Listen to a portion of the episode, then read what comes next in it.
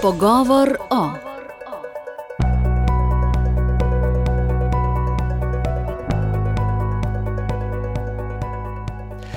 Spoštovane poslušalke, cenjeni poslušalci, lepo pozdravljeni. V današnji oddaji Pogovor o se bomo dotaknili silovitega požara, ki se je na krasu razplamtel 15. julija in zajel več kot 2000 hektarjev tako na slovenskem kot italijanskem ozemlju planote Kras. Šlo je za največji požar v zgodovini samostojne Slovenije, ki je zahteval tudi aktivacijo državnega načrta za požare v naravnem okolju. Žal pa kraški požar ni edini večji požar v naravnem okolju v letošnjem poletju, niti ne edini na primorskem. Samo včeraj smo poročali o novem na območju Socerba, za katerega so že sprožili torej omenjeni načrt. Vremenoslovci in klimatologi ob tem svarijo, da bodo to vrstni naravni pojavi kot posledica podnebnih sprememb vse pogostejši in tudi silovitejši. Prav zaradi tega se bo reševanja in preprečevanja to vrstnih naravnih nesreč potrebno lotiti sistematično in tudi premišljeno v sodelovanju med raziskovalci, državo in njenimi institucijami ter enotami za odzivanje. Zato v studiu prav lepo pozdravljam načelnika uprave Republike Slovenije za zaščito in reševanje za Novo Gorico in uslužbenca Ministrstva za obrambo, magistra Sama Kosmača. Lepo zdrav. Lepo zdrav, Ivan. Oddajo bom vodil in povezoval Marcel Krek.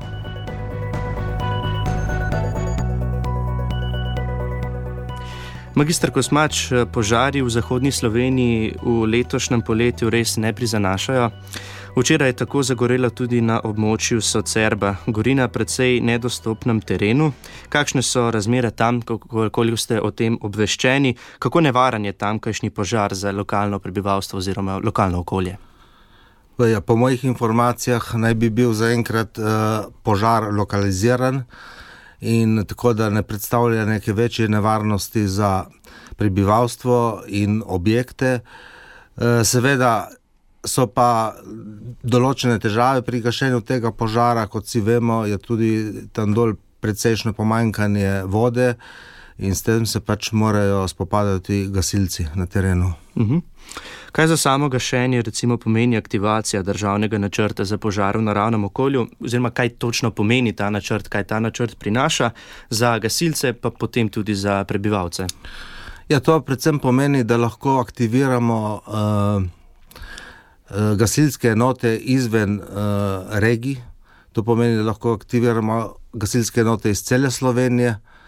Uh, pomeni tudi to, da vsi ti gasilci povr, dobijo povrnjene stroške, refundaciji, uh, potem uh, opreme, ki se na požaru uh, ali pokvari ali poškoduje uh, strani države. Uh, pomeni tudi to, da s, uh, civilna zaščita lahko poskrbi za uh, to logistiko, za prehrano vseh teh. Uh, gasilcev, ki so na požaru, pač na stroške države. Uh mhm. -huh. So že kakšni podatki morda o vzroku za ta eh, požar trenutno na Socerbu? Uh, kolikor meni je znano, je bilo požar iz, zagorel po, v, v nočnem času. Uh, po mojih podatkih zaenkrat ni še znan vzrok za ta požar. Uh mhm. -huh. Skoli, koliko gasilcev pa je trenutno na terenu? Jaz sem bil trenutno prišel iz eh, črpališča pri eh, planini, tako da nekih natančnih podatkov o tem, kakšno je stanje gasilcev v tem trenutku, ne, mi ni znano. Uh -huh. uh, Magister Kosmač, s koliko požarji v naravi pa so se gasilci, recimo v vašem območju, spopadli v tem res izjemno vročem poletju um, s številnimi vročinskimi valovi, ki ne, ne prizanašajo pri teh požarih, če morda primerjate z leti prej. Ja, to praktično se spopadajo z manjšimi požari dnevno. Uh, vsake toliko pride tudi večji požar, uh, kot vsi vemo, je pred tem velikim požarom izbruhu, izbruhnil na krasu tudi precej velik požar, ki so ga pa gasilci uspešno lokalizirali v enem samem dnevu potem po dveh dneh je pač izbruhnil ta velik požar, s katerim so se potem spopadali eh, praktično celih 14 dni. Že ste načeli temo, pravzaprav srednjo temo najnega pogovora, torej ta velik požar. na krasu, če se osredotočiva zdaj eh, na njen. Torej, vzrok za njen delno pripisujejo iskram nastalim zaradi zaviranja vlaka, visokih poletnih temperatur, pa tudi močne burje, ki je pač požar uh, hitro širila. Kakšne so zadnje ugotovitve glede na vzrok, to drži, oziroma so kakšne nove informacije? Ja, pri tem požaru je šlo za mogoče več vzrokov. Na italijanski strani so podatki res, da je prišlo do požara zaradi zaviranja vlaka. Mislim, da na slovenski strani zaenkrat še ni znana ugotovitev, kje je bil uh, vzrok začetnega požara. Za požar, ki se je potem kasneje začel na velikem očnjaku, to je sicer v občini Komen, je pa policija ugotovila, da je bil vzrok udar strele v drevo. Glede na to, da je, kot ste sami dejali, k požaru prispevala tudi strela, um, več poletnih neviht se je zgodilo. Kako nevarne so pravzaprav te nevihte med gašenjem? Vemo, prinesejo padavine, ampak potem pa tudi uh, recimo uh, nove strelene. Ma jaz mislim, da med samimi nevihtami gasilci ne gasijo uh, požarov, počakajo, da se te stvari umirijo. Uh, vsekakor gašenje eh, požarov, vsaj takih požarov, kot je bil sedaj na krasu, izredno nevarno eh, delo in res zahteva zelo usposobljene gasilce, predvsem pa tudi, da upoštevajo navodila vseh teh vodi intervencij, ki jim dajo pač uh, potrebne napotke. Uh mhm. Dejali ste, da je gaš samo gašenje trajalo 14 dni, kako točno pa je potekalo to gašenje? Uh, najprej je bilo potrebno postaviti eh, operativni štab, oziroma mi smo mu rekli, gor, uh, intervencijski štab. Uh, štab je bil postavljen na Kostanevici, uh, na krasu, praktično na crkvenem dvorišču. In od tukaj so potekale potem eh, vse potrebna navodila operativnim enotam na terenu, tukaj so se sprejemale odločitve, koliko gasilcev se bo napotilo na požar, eh, potem eh, na katera mesta se bo napotilo. Vse te gasilske enote, ki so prihajale iz cele Slovenije, so se pa seveda najprej zbrali na sprejemnem mestu, ki je bil pa uh, v občini Šempeter. Od tam so potem uh, ti domačini, oziroma ljudje, ki so poznali teren, jih pač vodili na pot, uh, te delovišča. Uh -huh. um, ravno kar ste omenili, domačine, kako so domačini, recimo, upeti v, v gašenje to vrstnih požarov? Uh, domačini so bili upeti v gašenje to vrstnih požarov, predvsem na način, da so izražali močno podporo uh, gasilcem. Sami so verjetno uh, Eh, želeli obraniti hiše, vendar je to v takih trenutkih, ko je besnel požar v neposrednji bližini njihovih hiš, precej nevarno početje in so bili zato tudi evakuirani iz svojih domov. Kako pa um, kako ljudje sprejmejo dejstvo, da se morajo odseliti zaradi požara? Nekaterih občanov, seveda, ne bi bilo potrebno prepričevati, da se odselijo, ker so bile razmere tako zelo nevarne, da so sami od sebe zapuščali domove in se zbirali na teh evakuacijskih uh, točkah. Uh, seveda, nekatere so skrbele razmere doma, potem ko so bili enkrat evakuirani, skrb za živali, uh, za njihovo imetje. Uh, v tistih trenutkih je bilo seveda zelo, zelo negotovo, Eh, reči, da bo se vse dobro končalo, ker so bile razmere dejansko zelo, zelo kritične. Uh mhm. -huh. Vemo, na tem območju so tudi razna obojna sredstva iz prve, pa tudi druge svetovne vojne. Eh, kako, kako oteženo je gašenje oziroma posredovanje eh, ob požaru v naravnem okolju, ko po tleh ležijo to, vrstni, to vrstna obojna sredstva? Ja, ta sredstva res predstavljajo zelo veliko oviro pri gašenju takih požarov, ne samo oviro, tudi izredno veliko nevarnost. Ker ta ubojna sredstva niso samo v notranjosti gozdov, so tudi ob neposredno poteh. In je bilo po besedah teh pirotehnikov, ki jih poznam, kar nekaj situacij takih, ko so uh, ubojna sredstva eksplodirala dokaj blizu uh, teh gasilcev. Na srečo, dejansko ni bilo poškodb zaradi tega, ma glede na veliko število gasilcev, ki so sodelovali pri tem, bi se pa lahko zgodilo tudi zelo. Kaj zelo tragičnega. Na srečo se, oziroma hvala Bogu. Hvala Bogu, da se je vse tako končalo z, z manjšimi poškodbami gasilcev, nikakor pa ne s mogoče s težjimi ali pa mm -hmm. smrtnimi. Kakšne so pa bile morda te manjše poškodbe? Uh, kot vemo, vsi v tistih dneh so bili zelo, zelo vroči dnevi, bilo je kar nekaj teh uh, toplotnih udarov.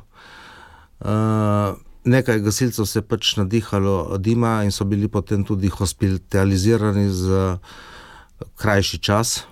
Bile so razne odrhnine, ureznine. Uh, na koncu smo prešteli okrog 60 uh, takih manjših poškodb pri gasilcih. Uh mhm. -huh.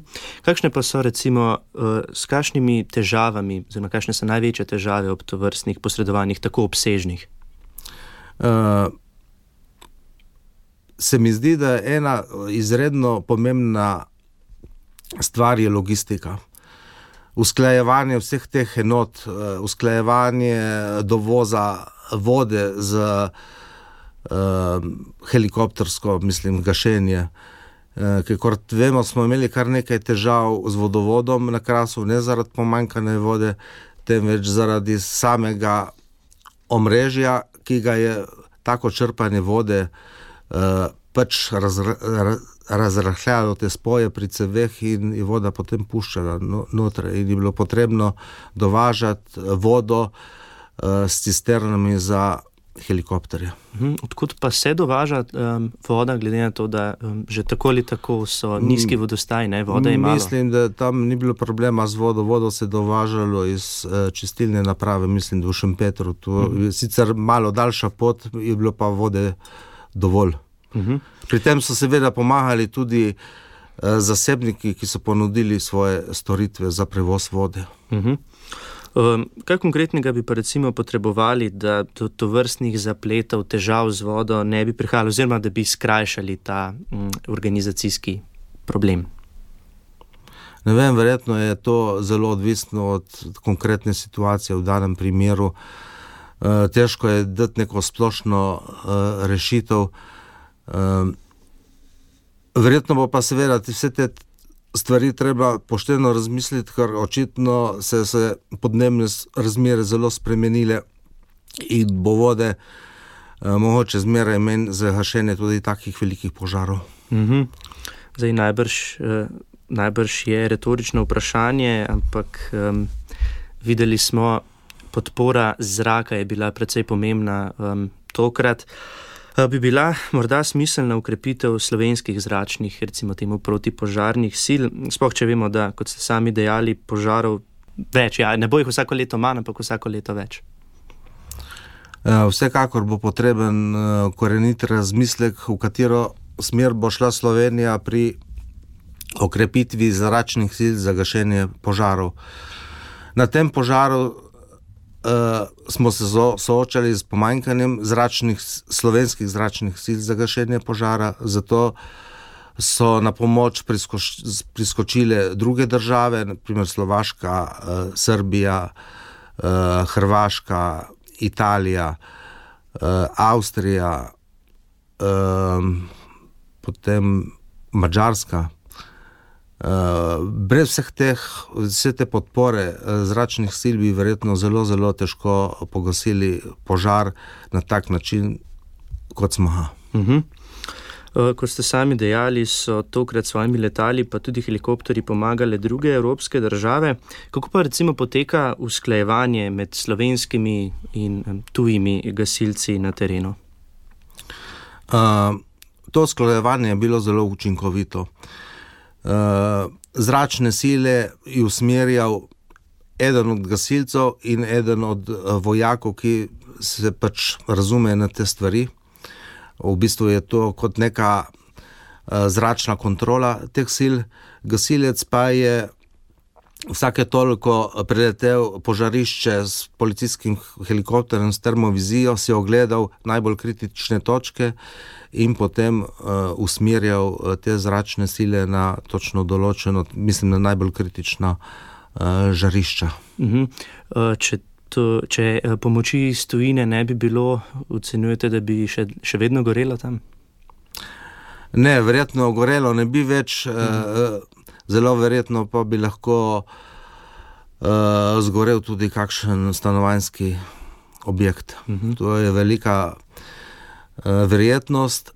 Je pa seveda potrebno tudi razumeti, da brez podpore vse te, kot mi rečemo, radi pešadi oziroma gasilcev na tleh, uh, tudi zračne sile. Veliko neprepimo, mora, mora biti pač uh, učinkovita zračna podpora in pač te kopenske sile. In to se je seveda najbolj videlo na primeru požara v Italiji, ki je praktično sporedno uh, zagorel.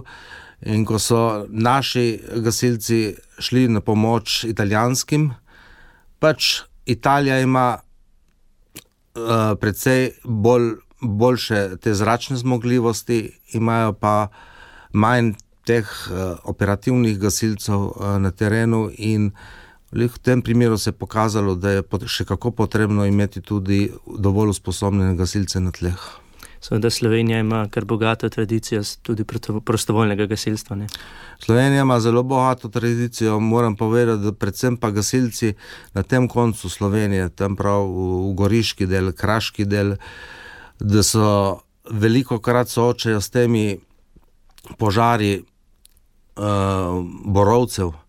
In to je prav posebna taktika gašenja, vejo, kdaj se je potrebno umakniti, kdaj je nevarno, kdaj pa potrebno, seveda, napeti vse sile, da se požar zaustavi. In tak primer je bil mogoče, ko je bil ogrožen miren. Uh, tam so dejansko delovali gasilci z najboljšimi, največjimi izkušnjami in da so pač lahko obranili miren in mirenski grad. Uh mhm. -huh. Sicer pa so na tem požarišču delovali gasilci iz vse Slovenije. Ne? Tako je, eh, na tem požarišču so bili gasilci iz cele Slovenije, iz Prekmurja, iz Dolenske. Iz, in to mislim, da največje število v dnevni izmeni je bilo enkrat 1500. Sami ste dejali, da so prim, eh, primorski gasilci seveda najbolje poznajo svoj teren, pa tudi borovce. Kaj so bile morda še tiste podrobnosti, ki so morali, ki so, s katerimi so se morali seznaniti um, gasilci od drugod po Sloveniji? Uh, prva stvar je seveda neeksplodirana obojna sredstva, uh, nevarnost leteh sredstev. Uh, spoznavati smo morali seveda sproti tudi uh, teren, pri tem so jim pomagali največ lokalni gasilci. Seveda je pa razumljivo, da jih je veliko krat bilo te gasilce, ki so prihajali od drugot, tudi zelo strah in si mogoče marsikdo ni upal iti direktno v požar in je raje ostal na tistem mestu. In mislim, da to je v redu, da je boljše, da se ne podaš v požar, da počakaš kot da tvegaš eh, svoje življenje, če, če si preveč prestrašen. Uh mhm. -huh. Pa se morda gasilcev dotakneva še malo kasneje, eh, pa se zdaj vrneva še malo eh, v zrak. Ja. Slovenija ima v svoji floti zgolj helikopterje, pa še to pravzaprav policijske. Ki pa lahko nosijo, seveda, precej manj vode, kot jih denimo letala. Ministr, da bi seveda ta podpora iz zraka še dodatno prišla Sloveniji prav. Eh, zdaj ponujajo se številne rešitve, od novih helikopterjev pa do večjih in manjših letal, tako imenovanih zračnih traktorjev. Česa bi si želeli eh, na upravi za zaščito in reševanje, v katero smer gre recimo ministrstvo, ste eh, zaposlen tudi pri ministrstvu. Ministr Šarec je namreč dejal, da bo o tem najprej se izjasnila stroka. Tako je tudi poveljnik civilne zaščite Republike Slovenije Zrečko Šesten je ob tem požaru dejal, da ima na mizi dva do tri predloge, v katero smer zapeljati vso zgodbo, kako uh, bolje razviti te zračne sile, in da jih bo dal pač pristojnim na mizo nekje do sredine septembra, in verjetno bo potrebno potem sprejeti neko odločitev, v katero smer razvijati te sile. Uh, jaz lahko rečem samo iz svojih izkušenj, oziroma tega, kar sem pač videl na terenu, da so bili daleč najbolj seveda, učinkoviti Kanaderi. Je pa vprašanje, če to si Slovenija lahko provošče tako letalo za gašenje takih požarov. In vse drugo, pač vse te helikopteri eh, imajo pač manjši manjše količine te vode, ki jo lahko odvržejo, in tudi ta čas, ki je potreben, da ponovno uh, pač si osvežijo zaloge, je nekoliko daljši pri, kot pri Kanadarju, ki uh, je potreboval na tem požarišču okrog sedem minut, da je uh, ponovno obnovil svoje zaloge in jih odvrhal. Mhm. Vemo, Kanadari uh, stanejo približno 30 milijonov evrov, pride en sam Kanadar. Zdaj, če seveda denar nekako ne bi bila omejitev, žal, verjetno bo, kako bi ocenili, koliko bi jih Slovenija potrebovala, da bi bila, pa dajmo temu reči, varna um, tudi iz zraka. Um, mislim, da je pri Kanadarjih tudi ta težava, da jih trenutno ne izdelujejo, da je sicer se podjetje pripravlja na ponovno proizvodnjo teh letal, ker mislim, da jih bo tudi Evropska unija naročila eh, kar nekaj teh letal. Tako da zelo težko zdaj v tem trenutku eh, špekuliram okrog številk, nisem pač strokovnjak na tem področju, eh, nimam nekih pristojnosti, da bi dajal pobude, v katero smer se bi ta stvar zapeljala. Tako da verjetno bo treba še malo počakati, kaj bo stroka povedala. No. Uh mhm. -huh. ja, številne države so te kanadarje eh, bodo naročile v sklopu naročila, skupnega naročila Evropske unije Tako. Eh, v okviru rezerv strateške opreme za hitro odzivanje na krize. Uh mhm. eh, -huh. Slovenija se temu nakupu zaenkrat ni pridružila, je pa premijer Golob za televizijo Slovenija napovedal, da bo pri njem sodelovala. Kako pomembno bi bilo sodelovati, je pa res ne, da bi letala prišla šele leta 2029. Je ja, v tem trenutku, tako kot razmere kažejo, eh, tako kot se, so te spremembe, podnebne spremembe, hitro, bi rekel, da je pač potrebno o tem dobro razmisliti in pač pristopiti k tej zgodbi, no, uh mhm. -huh. nakupa teh letal v javnosti slišimo določene predloge, eh, da bi Evropska unija imela kar svojo eh, floto letal za gašenje. Je kaj konkretnega na tem, da bi Slovenija to vrstne pobude podprla, morda eh, so kakšne informacije iz ministrstva, pa tudi morda vaše kar osebno mnenje o tej tako imenovani skupni evropski floti za pomoč pri gašenju torej zraka. Pa jaz tako osebno podpiram to idejo. Je pa še enkrat bi rekel, jaz to je zgolj moje osebno mnenje in nikakor ne mnenje eh, Ministrstva za obrambo. Čeprav sem njen predstavnik danes tukaj. Poslušate pogovor o. Naročite se na podcast oddaje na radio.ognisce.si če se morda uh, zdaj nekoliko še vrneva k uh, gasilcem. Um, že smo omenili, ja, da smo slovenci znani po tradiciji gasilstva in prostovoljnih gasilskih društev. Um, ja, ti gasilci, seveda, za svoje, lahko rečemo, kar herojska dejanja niso plačani, so jim bile pa predvsem po gašenju na krasu obljubljene neke določene uh, nagrade, najprej sicer v obliki nekih denarnih nagrad posameznim gasilcem, kasneje pa kot eh, donacije gasilskim društvom. Eh, pravno podlago naj bi zagotovil tudi spremenjeni zakon o varstvu pred naravnimi in drugimi nesrečami. Morda ste s tem seznanjeni, je zakon že eh, v proceduri oziroma je že pripravljen? Nisem seznanjen, ne vem, v kakšni fazi je ta. Sprememba. Uh -huh. uh, pa sicer, oziroma kako sami gledate na to, kaj se vam zdi primerno tukaj? Ja, tako bi rekel, tudi med uh, to COVID krizo so bili določeni dodatki za prostovoljce, ki so v tej krizi pomagali in so pač to dobili tudi na svoje osebne račune. To, tako da jaz mislim, da ne bi bilo noč narobe, če tudi posamezni gasilci, ko so se dejansko uh, res izpostavljali svoje življenje, če bi dobili pač neko nagrado. Jaz mislim, da s tem ne bi bil konec prostovoljstva mogoče le dobili tisto, kar jim je bilo pač obljubljeno v tistem trenutku. Mhm.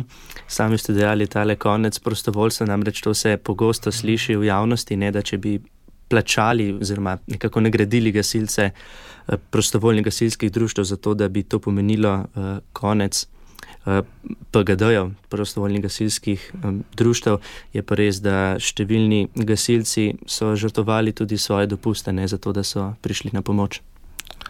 Uh, veliko je takih pripadnikov sil za zaščito in reševanje, ki žrtvujejo pač svoje dopuste, da lahko odhajajo na uh, te naloge, ki jih pošiljamo. Ne?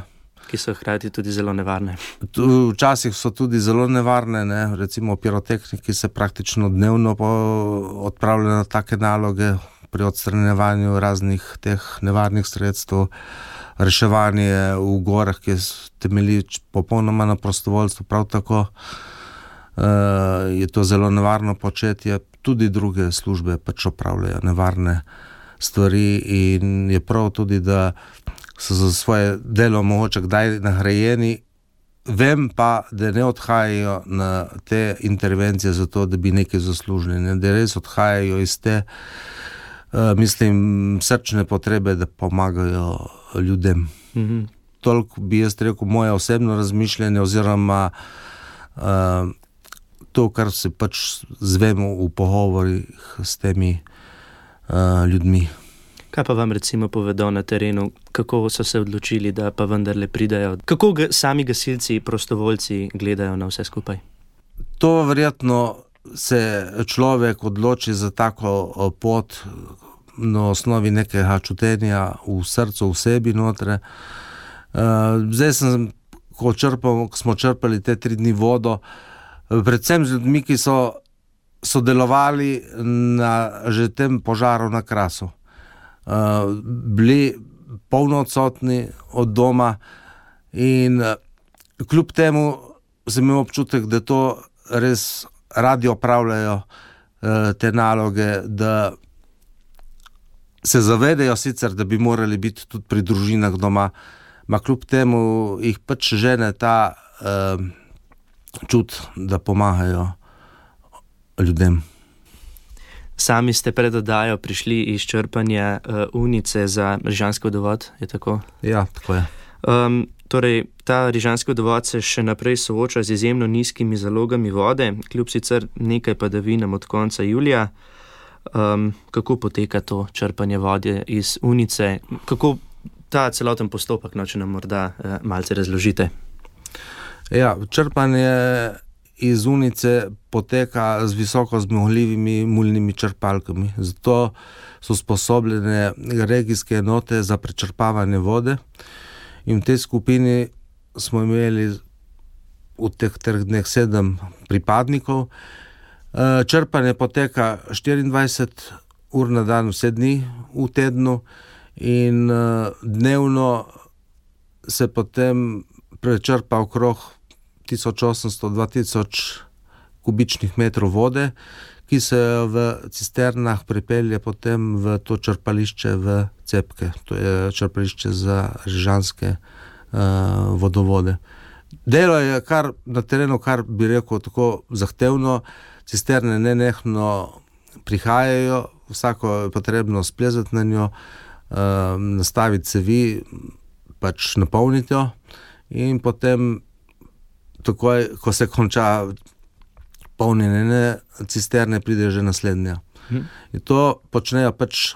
Spet pripadniki, kot sem omenil, enote za prečrpavanje vode, ki so seveda večinoma vsi prostovoljci, in uh, po večini tudi gasilci, bi rekel. Pa imate sicer izkušnje že odprej eh, s to vrstnimi posredovanji? Ne, to je tudi no, enota, je v bistvu na novo ustanovljena. V Sloveniji imamo sedem teh regijskih enot za prečrpavanje vode z visoko zmogljivimi črpalkami. Eh, del eh, teh opreme je tudi, za del te opreme prispeva tudi Evropska unija. In eh, predvsem smo občrpali vodo, ponovadi v poplavah, iz večjih objektov, to so res kapacitete teh črpalk so tja do 15 kubičnih metrov na minuto. Uh -huh. uh, seveda so se pa ti pripadniki hitro navadili pač na nove razmere in pač delajo sedaj nekaj drugega, tudi v korist ljudem, ki so trenutno čutijo to pomanjkanje vode. Ja, in podnebne spremembe uh, gredo ravno v to smer, da to verjetno žal ni prvo prečrpavanje vode ne, iz neke reke v uh, zajetje vodno. Um, sami ste zdaj opisali, kako točno poteka ja, to prečrpavanje. V prihodnosti bo verjetno tega, bo, bo to treba še kdaj žal ponoviti. Kako bi bilo mogoče urediti, da bi celoten postopek tekel malo bolj gladko, kar ste opisali, precej zapleteno črpanje. Verjetno ta postopek ne bo nikoli prav, dosti lažji. In bo potrebno za to skrbo istre z vodo, potrebno iskati druge rešitve, ne pa prevažanje vode s cisternami, ker je to pač dolgotrajen postopek, potrebne so velikanske kapacitete teh cistern oziroma kamionov, ki vse to prevažajo. In to ni pač neka dolgoročna rešitev, na katero bi se lahko opirali. To je mogoče, je bila res ta rešitev v sili za ta mesec. Pa, če bi se še kje prišlo do um, omejene količine oziroma vodostaja, bi bilo spoh mogoče v trenutnih uh, razmerah še nekje početi isto. Ne vem, to je pač ta kraj, unica, to je praktično idealen kraj za črpanje vode bi, bi rekel, uh, zato ker se praktično ta vodostaj, te unice, ni v teh dneh, odkar črpamo, ki je bistveno spremenil. Je očitno vode dovolj uh, za take velike odzeme, kot je sedaj. Poslušate pogovor o. Naročite se na podcast oddaje na radio.ognisce.si. Magistr Samo Kosmač, ste poveljnik regijskega štaba civilne zaščite za Severno Primorsko. Ste kadarkoli tudi sami delali med gasilci, če se jih tako le za konec dotakneva še enkrat, kot seveda najpomembnejše ob požarih? Ne, fizično tako nisem nikoli sodeloval neposredno, da bi ne vem, nekaj gasil. Uh, nekaj reševal, nisem, ne prihajam iz teh uh, vrst, seveda pa v tej vlogi je potrebno poznati izredno veliko eh, ljudi po vseh teh občinah, ki jih pokriva ta eh, regijski štab civilne zaščite. Potrebno je dobro kontaktirati s vsemi temi poveljniki občinskimi civilne zaščite. Ker oni res delujejo na tej operativni ravni, oni lahko v nekem lokalnem okolju vejo, kaj je v določenem trenutku najboljše, kako rešiti eno zadevo tudi, recimo, zdaj, ko smo uh, imeli ta požar na kraju, je bilo pač potrebno reševati problem prehrane vse te gosilce, in brez lokalne civilne zaščite bi se te stvari zelo težko naredili. Uh mhm. -huh. Po Sloveniji so bile številne akcije zbiranja različnih uh, pripomočkov, potrebščin, pa tudi denarja za gasilce um, na krasu. Uh, so te uh, pripomočke oziroma ta sredstva prišla do vas oziroma do gasilcev? Vsekakor denarna sredstva so vsekakor prišla do gasilcev. Tudi v prvih dneh požara je bilo veliko klicev na moj telefon z raznih, raznih društv, posameznikov za donacijo hrane, pijače in to so dejansko ljudje prinašali v neverjetnih količinah. To so izropali trgovine na Goriškem, eh, teh uh, vode, pa vidim teh izotoničnih napitkov in raznih uh, proteinskih tablic, praktično se ni dalo dobiti. Uh, smo bili zelo, zelo veseli vse te podpore, ker bi sicer morali vse te stvari mi kupovati. In tega je bilo res v takih velikih količinah, da smo morali potem s časom to prositi ljudi, da ne prinašajo več, ker nismo imeli več kam dajati tega. Uh mhm. -huh. Kaj pa, če, če se recimo pa se ob takih donacijah, ki jih pač ljudje lahko um, prispevamo, če se največ porabi? Ja, zdaj se vsekakor porablja največ uh, vode v plastenkah, po besedah poveljnika civilne zaščite Miren Kostanevice, se je teh odpadkov dobralo za 80 kubikov. Teh plastenk, ker je pač bila taka potreba po hidraciji na požarišču. Ma ljudje so tudi, recimo, v teh vseh, kjer se je gasilo, so stali tam ob cestah, so zalagali gasilce, uh, spi hrano, pijačo, mogoče bila pa najbolj pomembna ta moralna podpora, ki so jim dajali. Tudi, tudi meni je bilo kar uh, ganljivo, ko sem se vračal ob večerjih domov, ko sem videl vse te neštete transparente po mirnu, opatem selu, Šempetru, s katerimi so se zahvaljevali gasilcem in pač nudili to podporo. Uh mhm. -huh. Ob začetku pogovora ste omenili, da nekateri gasilci niti niso, so, niti niso želeli v ogenj, ne, ker je pač stvar precej nevarna. Uh, imajo kakšno, seveda od ljudi, moralno podporo, ampak uh, kakšno službo, ki jim pri tem pomaga, um, kakšne psihologe morda, oziroma jim, so gasilci do njih upravičeni? No? Uh, v zadnjih letih se tem eh, stvarem podaja velik poudarek. Zdaj je mogoče vse ta, ta kaos okrog požara in vse teh služb nismo niti uh, potrebovali, oziroma je bilo tega mogoče preveč. Imamo pa sicer drugačno to uh, službo za psihološko podporo. To je kar nekaj teh psihologov, vrhunskih, ki se spoznajo na te stvari in recimo v primerih, ko gasilci ali pa drugi reševalci doživijo neko veliko travmo ob reševanju neke nesreče, potem lahko koristijo to pomoč teh psihologov. Uh mhm. -huh. ne, ne samo reševalci, lahko tudi tisti, ki so uh, imeli ne vem, nekoga, ki je bil prizadet v taki nesreči. Ne. Pa se to pogosto uh, uporabi? Uh, mislim, da kar pogosto. Uh mhm. -huh. Da se te dni več tiste stigme na tem, da se to ne sme, da morajo biti uh, gasilci samo moški, ki ne kažejo svojih čustev, tako da se ta, te storitve kar pogosto uporabljajo. V naravi zaradi hude vročine in pomankanja padavin še naprej velja visoka stopna ogroženosti naravnega okolja. Magistr Samo Kosmač, kaj bi ob tem svetovali poslušalkam in poslušalcem? Ja, to, kar je pač pisano, da, oziroma povedano, da ne ene kurje v naravi, oziroma nekjer. Ker smo imeli zdaj, par dni nazaj, tak primer, ko je neka gospa tam kurla okrog hiše in je spet usplamtel v ogen in spet ogrožal uh, objekte v, v neposrednji bližini. Tam. Morda tudi um, se odsvetujejo pikniki v naravi. Pa tudi bi jaz rekel, ker se vse lahko počaka, take stvari. Mhm.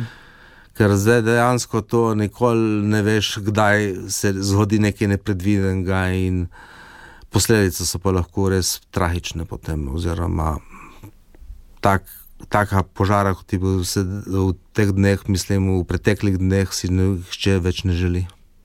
Magistr Samo Kosmač, mislim, da lahko s tem nasvetom tudi skleneva ta pogovor. Eh, hvala vam za obisk v našem studiu. Hvala tudi vam in vsem poslušalcem Radio Ohnišča.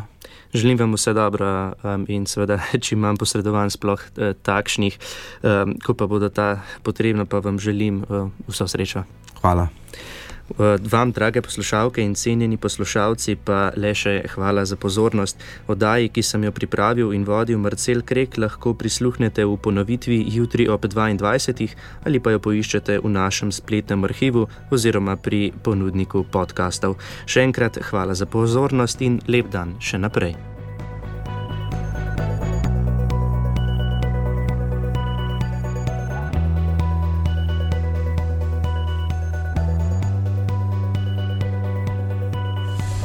Veliko povemo, tudi z druge strani.